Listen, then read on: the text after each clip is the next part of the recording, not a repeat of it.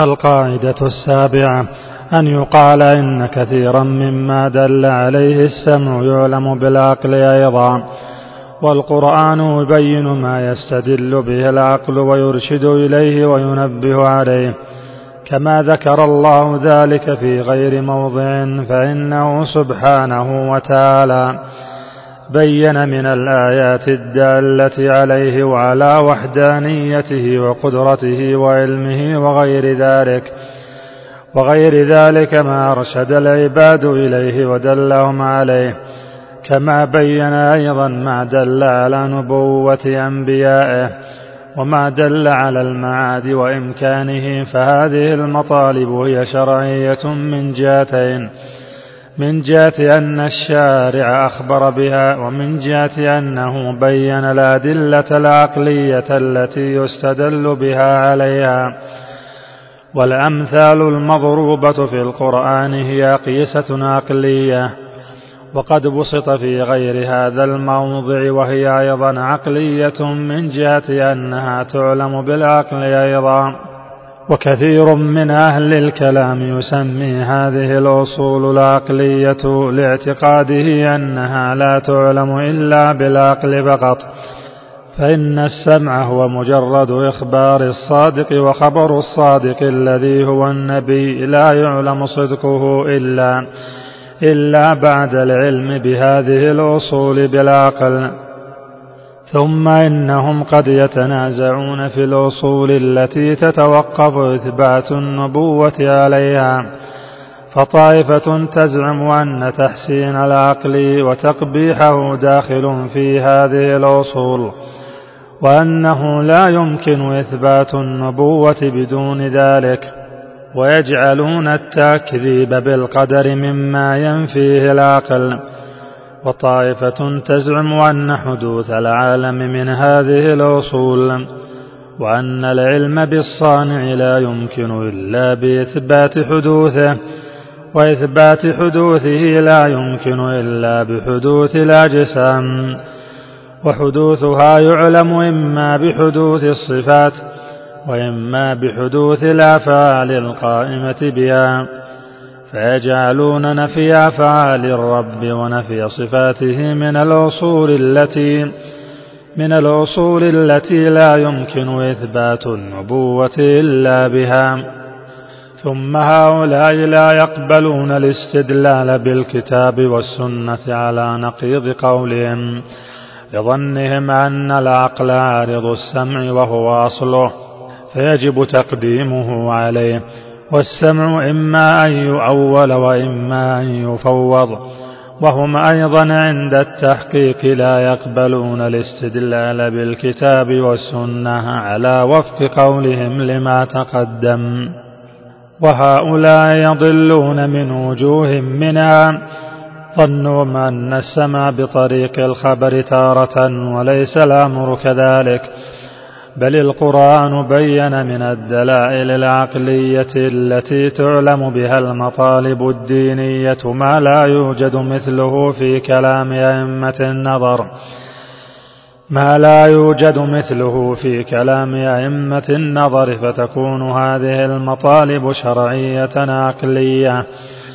ومنها ظنهم أن الرسول لا يعلم صدقه إلا بالطريق المعينة التي سلكوها وهم مخطئون قطعا في انحصار طريق تصديقه فيما ذكروه فإن طرق العلم بصدق الرسول كثيرة كما قد بسط في غير هذا الموضع.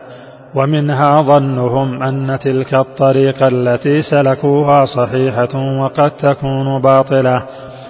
ومنها ظنهم أن ما عارضوا به السمع معلوم بالعقل ويكونون غالطين في ذلك فإنه إذا وزن بالميزان الصحيح وجد ما يعارض الكتاب والسنة وجد ما يعارض الكتاب والسنة من المجهولات. لا من المعقولات وقد بسط الكلام على هذا في غير هذا الموضع.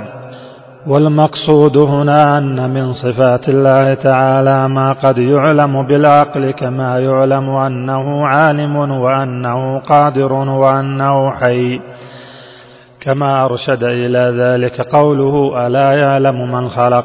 وقد اتفق النظار من مثبتة الصفات على أنه يعلم بالعقل عند المحققين أنه حي أنه حي عليم قدير مريد وكذلك السمع والبصر والكلام وكذلك السمع والبصر والكلام يثبت بالعقل عند المحققين بل وكذلك الحب والرضا والغضب.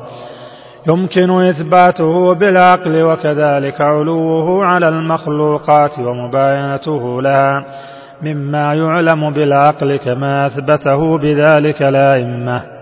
مثل أحمد بن حنبل وغيره ومثل عبد العالي المكي وعبد الله بن سعيد بن كلاب. بل وكذلك إمكان الرؤية يثبت بالعقل. لكن منهم من أثبت بأن كل موجود تصح رؤيته ومنهم من أثبت بأن كل قائم بنفسه يمكن رؤيته.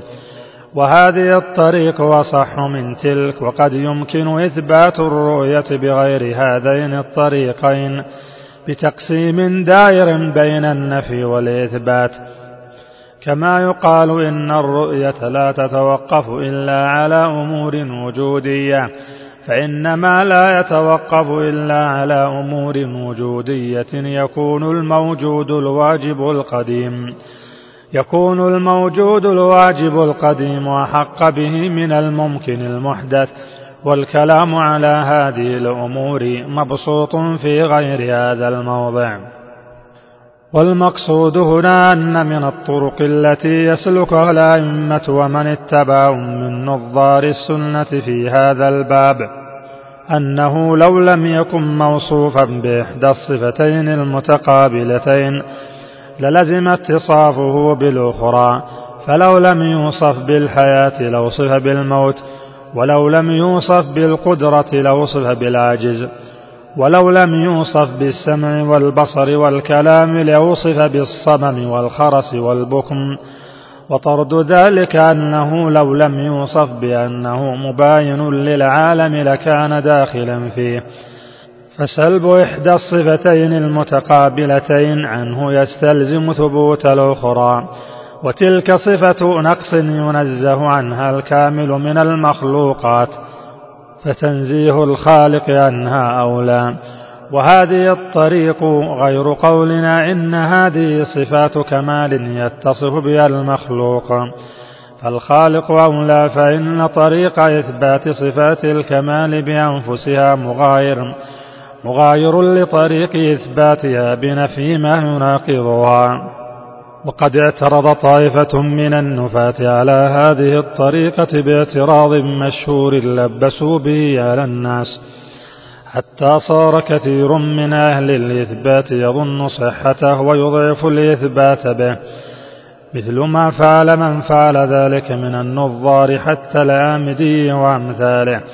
مع أنه أصل قول القرامطة الباطنية وأمثالهم من الجهمية. فقالوا القول بأنه لو لم يكن متصفا بهذه الصفات كالسمع والبصر والكلام مع كونه حيا لكان متصفا بما يقابلها. فالتحقيق فيه متوقف على بيان حقيقة المتقابلين وبيان أقسامهما. فنقول أما المتقابلان فلا يجتمعان في شيء واحد من جهة واحدة. وهو إما أن لا يصح اجتماعهما في الصدق ولا في الكذب أو يصح ذلك في أحد الطرفين ولأنهما متقابلان بالسلب والإيجاب وهو تقابل التناقض والتناقض هو اختلاف القضيتين بالسلب والإيجاب على وجه على وجه لا يجتمعان في الصدق ولا في الكذب لذاتيهما. كقولنا زيد حيوان زيد ليس بحيوان. ومن خاصية استحالة اجتماع طرفيه في الصدق والكذب وأنه لا واسطة بين الطرفين ولا استحالة لأحد الطرفين إلى الآخر. والثاني ثلاثة أقسام الأول المتقابلان بالتضايف وهما اللذان لا تعقل لكل واحد منهما إلا مع تعقل الآخر. كقولنا زيد أب زيد ابن وخاصيته توقف كل واحد من طرفيه على الآخر في الفهم. الثاني المتقابلان بالتضاد والمتضادان كل أمرين يتصور اجتماعهما في الكذب دون الصدق. كالسواد والبياض ومن خواصه جواز استحالة كل واحد من طرفيه إلى الآخر إلى الآخر في بعض صوره. وجواز وجود واسطة بين الطرفين تمر عليه الاستحالة من أحد الطرفين من أحد الطرفين إلى الآخر. كالصفرة والحمرة بين السواد والبياض. الثالث تقابل العدم والملكة والمراد بالملكة هنا كل معنى وجودي. أمكن أن يكون ثابتا للشيء؟ إما بحق جنسه كالبصر عند الإنسان أو بحق نوعه ككتابة زيد أو بحق شخصه كاللحية للرجل. وأما العدم المقابل لها فهو ارتفاع هذه الملكة ولما لم يكن ملكة البصر بالتفسير المذكور ثابتة للحجر لا يقال له أعمى ولا بصير. ومن خواص هذا التقابل جواز انقلاب الملكة إلى العدم والعكس فإن أريد بالتقابل ها هنا تقابل التناقض بالسلب والإيجاب. وهو أنه لا يخلو من كونه سميعا وبصيرا ومتكلما أو ليس كذلك فهو ما يقوله الخصم ولا يقبل نفيه من غير دليل وإن أريد بالتقابل تقابل المتضاعفين فهو غير متحقق ها هنا ومع كونه غير متحقق فلا يلزم من نفي أحد المتضايفين ثبوت الآخر. بل ربما انتفيا معا ولهذا يقال زيد ليس بأبي لعمر ولا بابن له أيضا. وإن أريد بالتقابل تقابل الضدين فإنما يلزم أن لو كان واجب الوجود قابلا لتوارد الأضداد عليه وهو غير مسلم. وإن كان قابلا فلا يلزم من نفي أحد الضدين وجود الآخر لجواز اجتماعهما في العدم ووجود واسطة بينهما. ولهذا يصح أن يقال الباري تعالى ليس بأسود ولا أبيض وإن أريد بالتقابل تقابل الآدم والملكة. فلا يلزم أيضا من نفي الملكة تحقق الآدم ولا بالعكس إلا في محل إلا في محل يكون قابلا لهما. ولهذا يصح أن يقال الحجر لا أعمى ولا بصير والقول بكون الباري تعالى قابلا للبصر والعمى دعوى دعوى محل النزاع ومصادرة على المطلوب. وعلى هذا فقد امتنع لزوم العمى والخرس والطرش في حق الله تعالى من ضرورة من ضرورة نفي البصر والسمع والكلام عنه والرد عليهم من وجوهنا الوجه الأول. إن هذا التقسيم غير حاصر فإنه يقال للموجود إما أن يكون واجبا بنفسه وإما أن يكون ممكنا بنفسه وهذان الوجوب والإمكان لا يجتمعان في شيء واحد من جهة واحدة ولا يصح اجتماعهما في الصدق ولا في الكذب إذ كون الموجود واجبا بنفسه وممكنا بنفسه لا يجتمعان ولا يرتفعان. فإذا جعلتم هذا التقسيم وهما النقيضان ما لا يجتمعان ولا يرتفعان. فهذان لا يجتمعان ولا يرتفعان وليس هما سل ولا وليس هما السلب والإيجاب فلا يصح حصر النقيضين اللذين لا يجتمعان ولا يرتفعان في السلب والإيجاب. وحينئذ فقد ثبت وصفان شيئان لا يجتمعان ولا يرتفعان. وهو خارج عن الأقسام الأربعة على هذا. فمن جعل الموت معنى وجوديا فقد يقول إن كون الشيء لا يخلو من الحياة والموت. ومن هذا الباب وكذلك العلم والجهل والصمم والبكم ونحو ذلك. الوجه الثاني أن يقال هذا التقسيم يتداخل فإن العدم والملكة يدخل في السلب والإيجاب وغايته أنه نوع منه. والمتضايفان يدخلان في المتضادين إنما هما نوع منه. فإن قال أعني بالسلب والإيجاب ما لا يدخل فيه العدم والملكة ما لا يدخل فيه العدم والملكة وهو أن يسلب عن الشيء ما ليس بقابل له. ولهذا جعل من خواصه أنه لا استحالة لأحد طرفيه إلى الآخر. قيل له عن هذا جوابان أحدهما أن غاية هذا أن السلب ينقسم إلى نوعين. أحدهما سلب ما يمكن اتصاف الشيء به والثاني سلب ما لا يمكن. والثاني سلب ما لا يمكن اتصافه به. فيقال الأول إثبات ما يمكن اتصافه ولا يجب والثاني والثاني إثبات ما يجب اتصافه به فيكون المراد به سلبا ممتنعا. وإثبات الواجب كقولنا زيد حيوان فإن هذا إثبات واجب.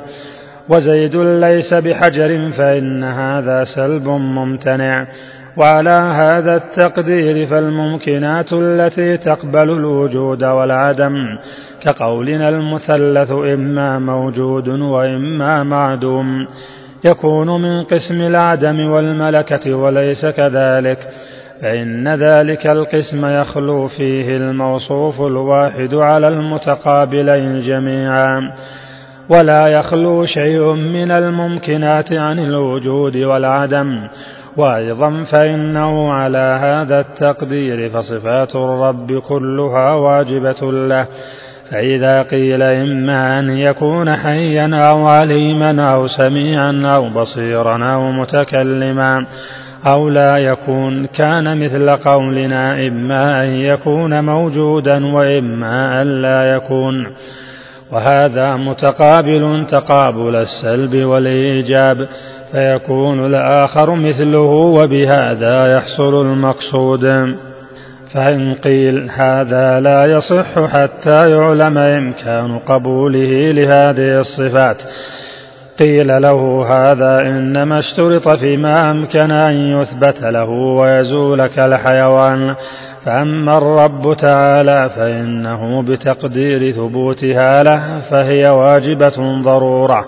فإنه لا يمكن اتصافه بها وبعدمها باتفاق العقلاء فإن ذلك يوجب أن يكون تارة حيا وتارة ميتا وتارة أصم وتارة سميعا وهذا يوجب اتصافه بالنقائص وذلك منتف قطعا.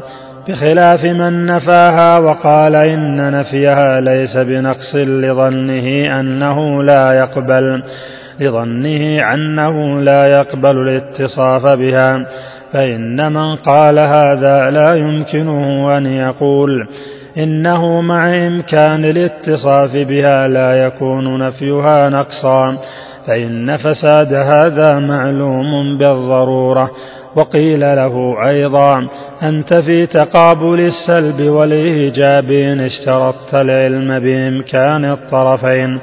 لم يصح أن تقول واجب الوجود إما موجود وإما معدوم والممتنع الوجود إما موجود وإما معدوم.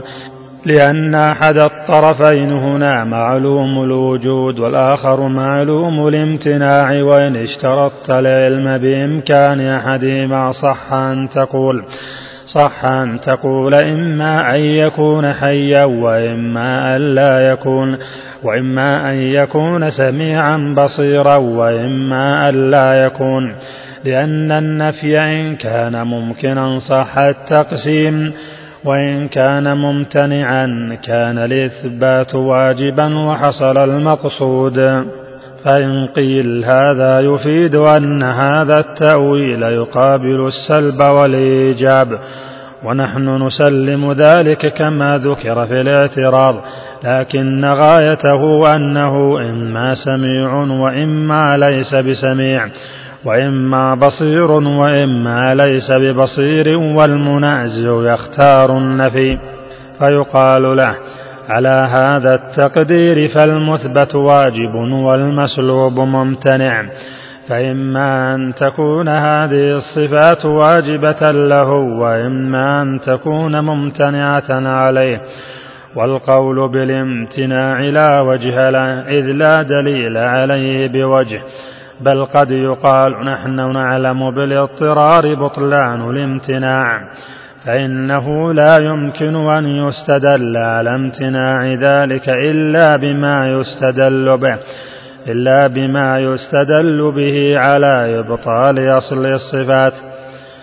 وقد علم فساد ذلك وحينئذ فيجب القول بوجوب هذه الصفات له. واعلم أن هذا يمكن أن يجعل طريقة مستقلة في إثبات صفات الكمال له فإنها إما واجبة له وإما ممتنعة عليه. والثاني باطل فتعين الأول لأن كونه قابلا لها خاليا عنها يقتضي أن يكون ممكنا. وذلك ممتنع في حقه وهذه طريقة معروفة لمن سلكها من النظار. الجواب الثاني أن يقال فعلى هذا إذا قلنا زيد إما عاقل وإما غير عاقل وإما عالم وإما ليس بعالم وإما حي وإما غير حي.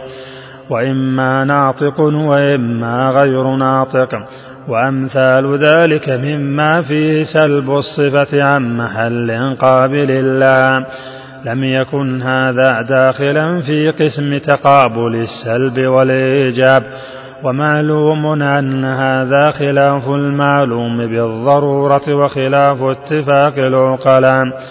وخلاف ما ذكروه في المنطق وغيره. ومعلوم أن مثل هذه القضايا تتناقض بالسلب والإيجاب. على وجه يلزم منه صدق أحدهما كذب الأخرى. فلا يجتمعان في الصدق والكذب. فهذه شروط التناقض موجود فيها. وغاية فرقهم أن يقولوا إذا قلنا هو إما بصير وإما ليس ببصير. كان إيجابا وسلبا وإذا قلنا إما بصير وإما أعمى. كان ملكة وعدما وهذه منازعة لفظية. وإلا فالمعنى في الموضعين سواء. فعلم أن ذلك نوع من تقابل السلب والإيجاب. وهذا يبطل قولهم في حد ذلك التقابل. أنه لا استحالة لأحد الطرفين إلى الآخر فإن الاستحالة هنا ممكنة كإمكانها إذا عبر بلفظ الأعمى الوجه الثالث أن يقال التقسيم الحاصر أن يقال المتقابلان إما أن يختلفا بالسلب والإيجاب؟ وإما أن لا يختلفا بذلك بل يكونان إيجابيين أو سلبيين. فالأول هو النقيضان والثاني إما أن يمكن خلو المحل عنهما وإما أن لا يمكن والأول هما الضدان كالسواد والبياض. والثاني هما في معنى النقيضين وإن كان ثبوتيين كالوجوب والإمكان والحدوث والقدم والقيام. والقيام بالنفس والقيام بالغير والمباينة والمجانبة ونحو ذلك. ومعلوم أن الحياة والموت والصمم والبكم والسمع. ليس مما إذا خلا الموصوف عنهما وصف بوصف ثالث بينهما كالحمرة بين السواد والبياض فعلم أن الموصوف لا يخلو عن أحدهما فإذا انتفى تعين الآخر. الوجه الرابع المحل الذي لا يقبل الاتصاف بالحياة والعلم والقدرة والكلام ونحوها. أنقص من المحل الذي يقبل ذلك ويخلو عنها ولهذا كان الحجر ونحوه أنقص من الحي الأعمى. وحينئذ فإذا كان البارئ منزها عن نفي هذه الصفات مع قبوله لها فتنزيهه عن امتناع قبوله لها أولى وأحرى. إذ بتقدير قبوله لها يمتنع منع المتقابلين واتصافه بالنقائص ممتنع. فيجب اتصافه بصفات الكمال وبتقدير عدم قبوله لا يمكن اتصافه لا بصفات الكمال لا بصفات الكمال ولا بصفات النقص. وهذا أشد امتناعا فثبت أن اتصافه بذلك ممكن وأنه واجب له وهو المطلوب وهذا في غاية الحسن. الوجه الخامس أن يقال أنتم جعلتم تقابل العدم والملكة فيما يمكن اتصافه فيما يمكن اتصافه بثبوت فإذا عنيتم بالإمكان الإمكان الخارجي. وأن يعلم ثبوت ذلك في الخارج كان هذا باطلا لوجهين أحدهما أنه يلزمكم أن تكون الجامدات لا توصف بأنها لا حية ولا ميتة ولا ناطقة ولا صامتة وهو قولكم لكن هذا اصطلاح محض. وألا تصفوا هذه الجمادات بالموت والصمت وقد جاء القرآن بذلك. قال تعالى والذين يدعون من دون الله لا يخلقون شيئا وهم يخلقون أموات غير أحياء وما يشعرون أيان يبعثون فهذا في الأصنام وهي من الجمادات وقد وصفت بالموت والعرب تقسم والعرب تقسم الأرض إلى الحيوان والموتان قال أهل اللغة الموتان بالتحريك خلاف الحيوان. يقال اشتري الموتان ولا تشتري الحيوان أي اشتري الأرض والدور ولا تشتري الرقيق والدواب. وقالوا أيضا الموات ما لا روح فيه فإن قيل فهذا إنما يسمى مواتا باعتبار قوله للحياة التي هي إحياء الأرض. قيل وهذا يقتضي أن الحياة أعم من حياة الحيوان وأن الجماد يوصف بالحياة إذا كان قابلا للزرع والعمارة. والخرس ضد النطق والعرب تقول لبننا خرس أي خاثر لا صوت له في الإناء. وسحابة خرساء ليس فيها رعد ولا برق. وعلم أخرس إذا لم يسمع له في الجبل صوت صدى.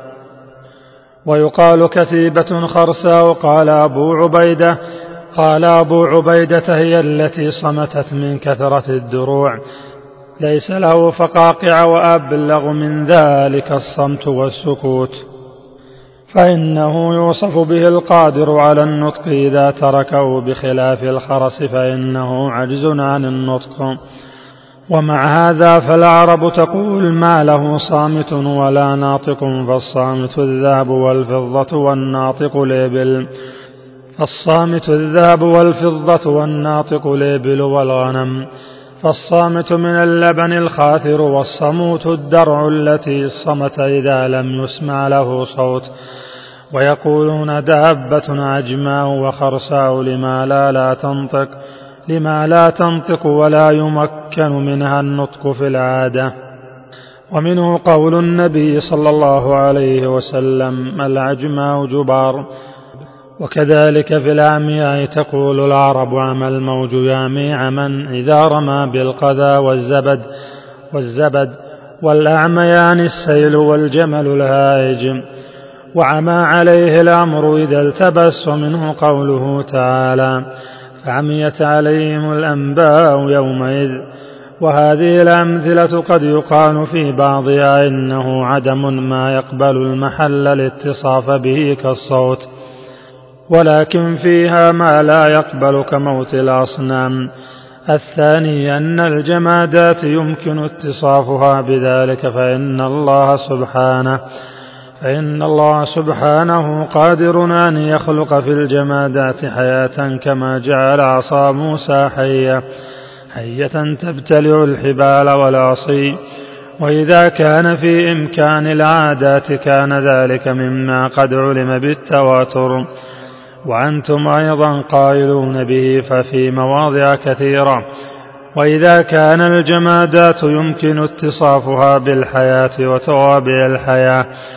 ثبت أن جميع الموجودات يمكن اتصافها بذلك فيكون الخالق أولى بهذا الإمكان. وإن عنيتم الإمكان الذهني وهو عدم العلم بالامتناع فهذا حاصل في حق الله فإنه لا يعلم امتناع اتصافه بالسمع والبصر والكلام.